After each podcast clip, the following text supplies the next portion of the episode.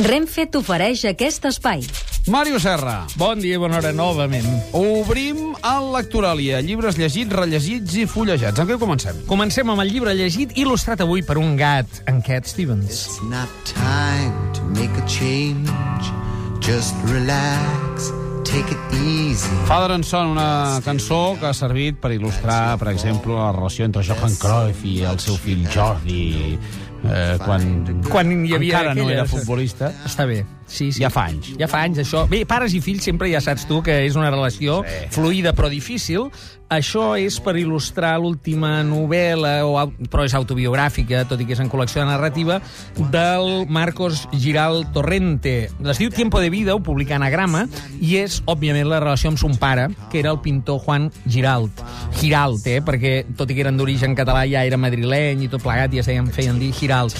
Era una relació molt mediatitzada per la separació dels pares i aleshores és la clàssica història de desencontres, eh, el, li costa d'arrencar però al final és molt emocionant. Eh, la trobada entre pare i fill és quan el pare mm, té un càncer. I llavors pare i fill es retroben els últims 18 mesos de la seva vida i la, la nova parella, mm, que aquí en el llibre, diguem, la nova parella del pare eh, surt eh, amb un epígraf del tipus la mujer que mi padre conoció en el Brasil, durant tota Una la distància, no? una mica notable, doncs desapareix o no empeny prou quan eh, el pare del Marcos doncs, té aquesta circumstància i això fa eh, que es, retorn, eh, es retrobin pare i fill, no?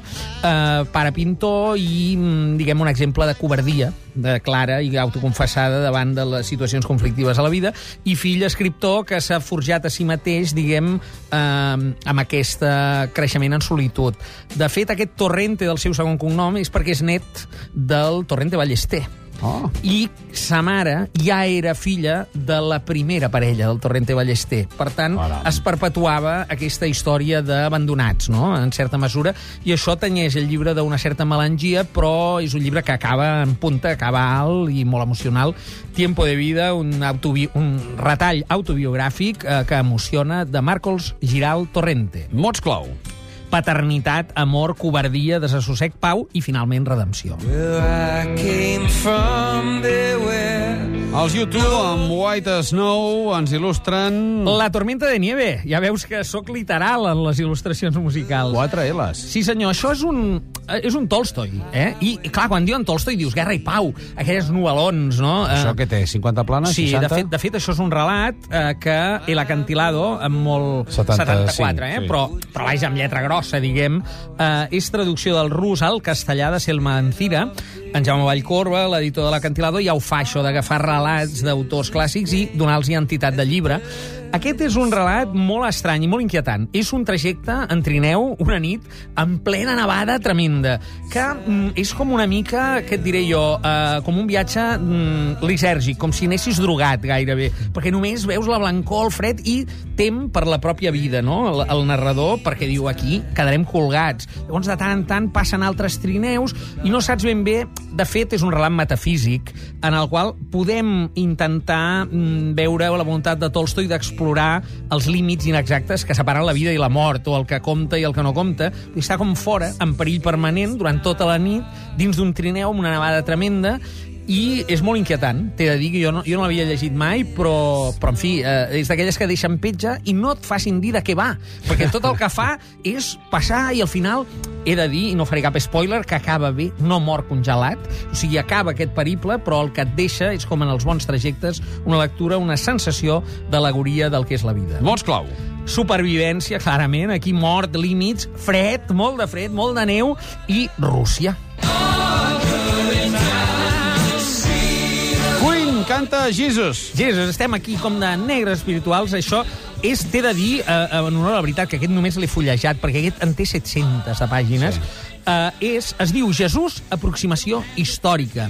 És d'un eh, capellà, d'un teòleg basc, José Antonio Pagola. Està traduït al català amb una traducció excel·lent del Raimon eh, Pavia i Segura, però la, la No diu que és de característica Bilbao, que té... no? Eh, no, és de Donòstia. No, no, dic Jesús. Qui? Ah, Jesús de Bilbao, no. No ho posa, no? no? perquè l'autor és donostiarra. Jo Ah, crec que val. si fos viscaí ho diria. En tot cas, a veure, té dues característiques, aquest fet. Uh, això és una aproximació històrica, realment.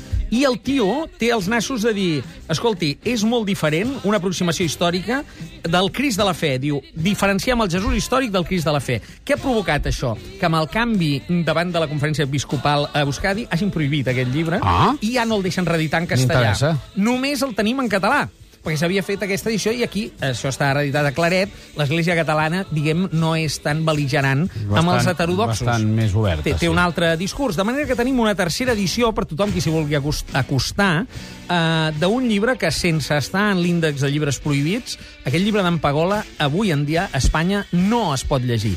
No es pot eh, reeditar perquè han considerat que té de fet, eh, qui li donava el Neil Obstat, és a dir, qui li va permetre el bisbe Uriarte, que ja va ser rellevat del seu càrrec a Euskadi, de manera que ara estem en una nova situació en la qual algunes aproximacions històriques a la figura de Jesús sembla que no I acaben quines són d'agradar. les que no agraden? A veure, eh, jo m'imagino que és tan senzill com el fet de rebaixar el mite i eh, acostar-nos simplement a una aproximació històrica. Ja, com et dic, jo me l'he fullejat, no me l'he llegit sencer, però sí que en la introducció d'en Pagola ell diu diferenciem clarament el Crist de la fe, de la qual ell diu soc cristià i me'n sento partir, i Sí, sí, sí. creient, del Crist com a personatge històric, del qual tenim unes dades i no d'altres. Mm. I aquí el que fa és una aproximació històrica a una figura, per tant, humana, i això hi ha vegades que des de determinades postulats eh, religiosos molesta.